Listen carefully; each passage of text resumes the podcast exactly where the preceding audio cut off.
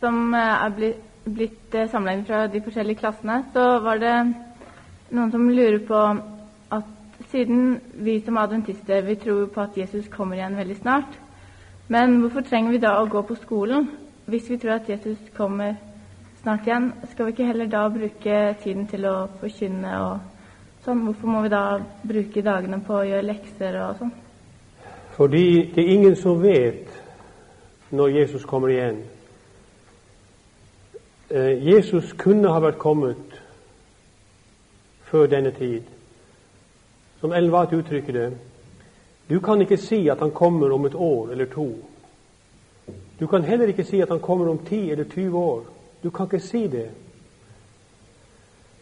For Jesus han kommer når tiden er så at han kan komme. Jeg ønsker faktisk å svare på det i min fremstilling i løpet av i dag og i morgen kanskje, og håper at det blir mer klart da. Det er nemlig ikke så at Jesus har sagt, eller Gud har sagt ja, skal vi se, vi reiser tilbake der klokken så og så. Sånn er det ikke. Eh, alle løfter og alle trusler i Bibelen er gitt på betingelser. Dvs. Si at tiden for Jesu komme avhenger av situasjonen som betinger at han kan komme.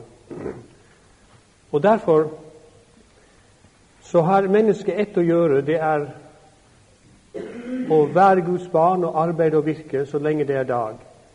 Eh, dere kjenner sikkert til hva Luther sa. Hvis jeg visste verden sluttet i morgen, så ville jeg i dag betale min gjeld og plante mitt epletre. Altså, Man må ikke gå ut av virkeligheten. Hvis du f.eks. tror at Jesus kommer en spesiell dato, et spesielt tidspunkt, så tar du feil. Men på en annen side, hvis nå Gud la sin hånd på deg og sa 'Jeg kaller deg til å gå og gjøre det og det', og det er helt spesifikt fra Gud, og sier du avbryter ditt studium, du går så og så, så må du gå. Men har du ikke den klare beskjed fra Gud, så gjør du ditt ytterste for å dyktiggjøre deg i verden. Du ser, Det er mange måter å tjene Gud på, og jo, mer, eh, jo bedre du er i ditt liv og ditt arbeid, jo bedre kan du tjene ham. Jeg eh, kan kort si det ved å referere til en historie som gikk eh, som fremkom i forbindelse med Wesley. Wesley var en meget lærd og dyktig mann. Han var regnet for å være helt på topp i sin tid. Og en skrev til han Kjære bror Wesley, tror du at Gud har bruk for all den der kunnskap og innsikt du har? Hvortil Wesley skrev tilbake og sa Kjære bror, tror du Gud har bruk for all den uvitenhet du har? Altså, det er en slags realisme i kristendommen. Eh, og da du ikke vet, må du altså handle. Evangeliserer vi for lite? Hva sa du? Evangeliserer vi adventister for lite? Vi adventister evangeliserer ikke veldig mye i det hele tatt. Vi, det er jo en kjensgjerning. F.eks. da jeg kom til Danmark eh, første gang og arbeidet der i, av, i slutten av 60-årene midten av 60-årene, var det 2600 adventister i den østlige delen av Danmark. I dag er det 1800. Som sa til meg du skulle aldri reist dit. Fordi vi har tapt 800 medlemmer på de der 20-25 år. Å snakke om at vi evangeliserer, virker meningsløst i vår sammenheng. Når du ser bare på noe så overfladisk som, som antall. Vi er gått i stå i denne delen av verden, og det er det selvfølgelig forklaringer på. Men hvis du spør skulle vi evangelisere mer, det er derfor vi er her. Spørsmålet er hvordan og hvorfor ikke, osv. Mm. Mener du at, eh, at vi som f.eks. studenter skal, eh, skal, gå ut og evangelisere, men at vi skal vente med å bli voksne? Ja, altså når du blir voksen, da er du solgt. Det kan jeg love deg. Du må aldri bli voksen. Det er en tragedie at folk blir voksne. Jesus tok et barn og stilte frem blant dem og sa uten at du blir som barn, kommer du ikke inn i Guds rike. Når du er umiddelbar, tillitsfull, og går uten å stille spørsmål og være komplisert og vrien, da kan du tjene Gud best. Det skulle ikke være noe i veien for at alle som bor omkring her i dette området hvor skolen ligger, skulle få besøk og oppmuntring fra elevene her. Den gang eh, vi var unge og var her, da hadde vi faktisk på besøksliste nesten alle borgere i hele kommunen her. Ja. Og det var én eh, måte å gjøre det på. Eh, Det gikk liksom i stå, fordi vi var ikke alle enige om at vi burde gjøre det. Foreldrene var kanskje litt bekymret over at barna ikke fikk sin gode eksamen.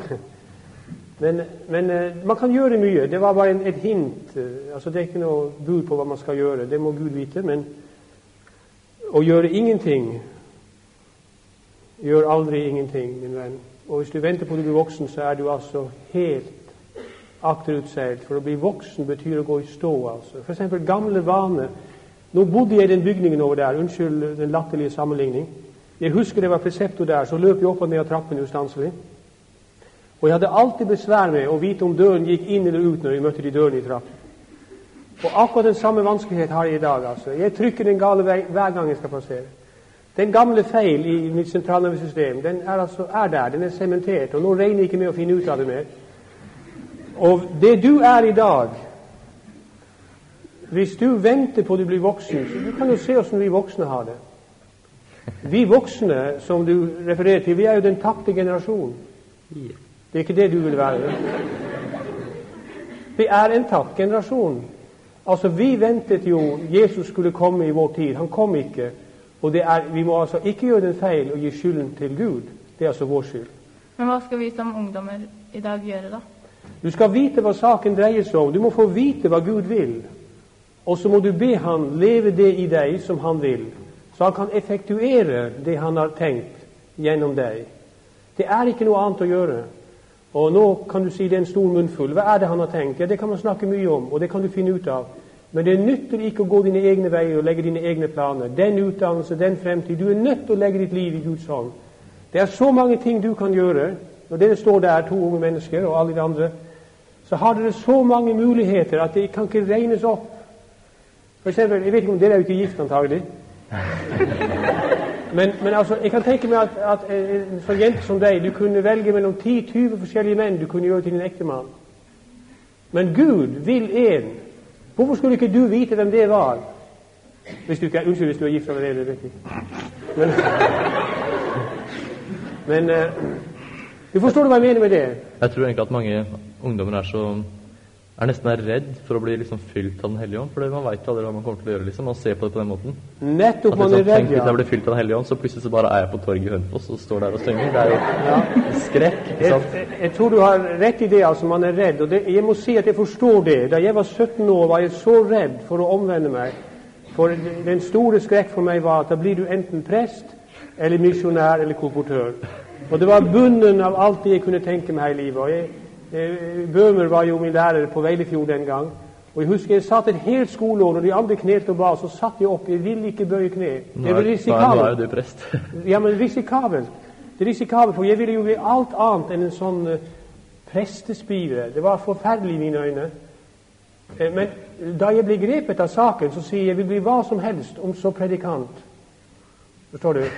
Og det, det, Poenget er at du kan ikke sånn velge ditt liv fritt. Gud har tenkt noe om deg. Som ellen var et uttrykk. Det like sikkert som, du, som han har et sted for deg beredt i himmelen. Like sikkert at han har ett sted her i verden som han vil du skal være. Og det er om å få vite hva han vil. For du kunne velge mange ting. Så du kan gifte deg med mange forskjellige personer, kan du få mange forskjellige utdannelser, mange forskjellige jobs og mange slags karriere. I Bibelen er det sånn at det er én fremtid. Ja, det er to fremtider. Du kan velge fremtid. Og hvis du velger feil fremtid, da? Ja, så har du valgt feil fremtid, og det er ikke så godt. Men så er det sånn at Bibelen forteller oss at folk har valgt feil fremtid. Hvis de så vender seg om, så vil Gud ta dem med det beste ut av det og lage en ny mulighet. Gud gir ikke opp sånn etter første slag. Men det ville være veldig fint om dere kom inn i Guds første ønske for dere. Hvorfor kom det tiende ønsket, som oss andre som kom langt bakut og aldri ble, fikk gjort noe for Guds sak fordi man skulle gå egne veier så lenge at uh, man tapte visjonene. Hvorfor er det så lett å liksom Det er så- det er så lett å si nei til um, Hvis du får et tilbud om å gå ut og evangelisere, men det er så lett å si ja til andre ting. Liksom. Hvorfor, eh, hvorfor er alt som har med kristendom å gjøre, så, så tungt? Fordi at kristendom er naturstridig. Den er overnaturlig, og den strider imot menneskets natur. Som du kommer fra mors liv, er du ikke i pakt med Guds vilje. Ja, men Det ville vært mye lettere hvis da Gud hadde gitt oss eh, noe som viste oss helt konkret at Gud var der. Hvorfor gjør han Det Det vil han gjøre. altså. tror du at Gud ikke vil vise deg hva du skal gjøre? Ja, men noe at han uh, at fins. Sånn at det, til og med det kunne trekke de som ikke var adventister eller kristne. Det finnes så mange gode argumenter for at Gud fins. Kanskje du ikke har tenkt på det. Du har så travelt med andre ting at du ikke har tenkt på det. Men det er virkelig mange gode argumenter for Guds eksistens. Så de som tenker aller skarpest og ikke tror på Bibelen, har i dag funnet ut av at Gud fins, som du Ja, hva er de gode argumentene for at Gud Ja, Det har vi ikke tid til nå her. Jeg har ikke tenkt på det. altså nå. Det, det, det kommer vi litt ved siden av. Det fikk mange gode, rasjonelle argumenter for Guds eksistens. Hvorfor ser så få ungdommer det? Hva sa du? Hvorfor ser så få ungdommer de argumentene? Ja, det, jeg kommer tilbake til det jeg sier. altså det er, Du må oppfatte livet i Gud som et overnaturlig liv. Derfor Hvis du vil vite hva Gud vil, så er det en overnaturlig innsikt. Det er en erkjennelse som du ikke kan erverve deg for egen maskin. altså. Jeg får lov å si det på denne måte. I den katolske kirke så begynner man på null, og så tenker man ved hjelp av sin fornuft så langt om Gud. Og man har såkalt naturlig teologi. Dette er en avskyelig tanke i våre ideer. Men utover det så har man en åpenbaringsteologi som kommer i tillegg til den naturlige. Og folk er rett katolske i sin tankegang. De tror at de kan begynne der hvor de står, og så finne ut av hva de skal mene om Gud, og hva de skal mene om sitt liv, og hva de skal velge, helt for egen maskine. Glem det. Du må ha Guds hjelp hele veien, så kommer du ingen steder som kan kalles et rett sted å komme. Og derfor det er vanskelig. Det er veldig vanskelig å oppgi seg selv.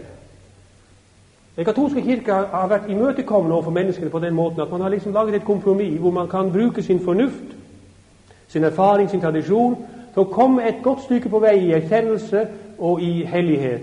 Og så kommer Kirken og legger litt til ekstra ovenpå. Det er en ond løgn. Glem det. Må, hva Gud har tenkt, er som det står, en hemmelighet.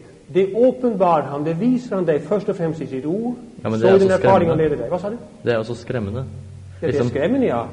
Det er, det, er, det er ikke så veldig lett å overgi seg til noe som man ikke er helt sikker på man egentlig vil sjøl engang. Nei, ok, det, det kan være noe om at det, det, er, det litt svært. Det, det byr oss imot, og det, Bibelen taler mye om det. Vi refererte til det før.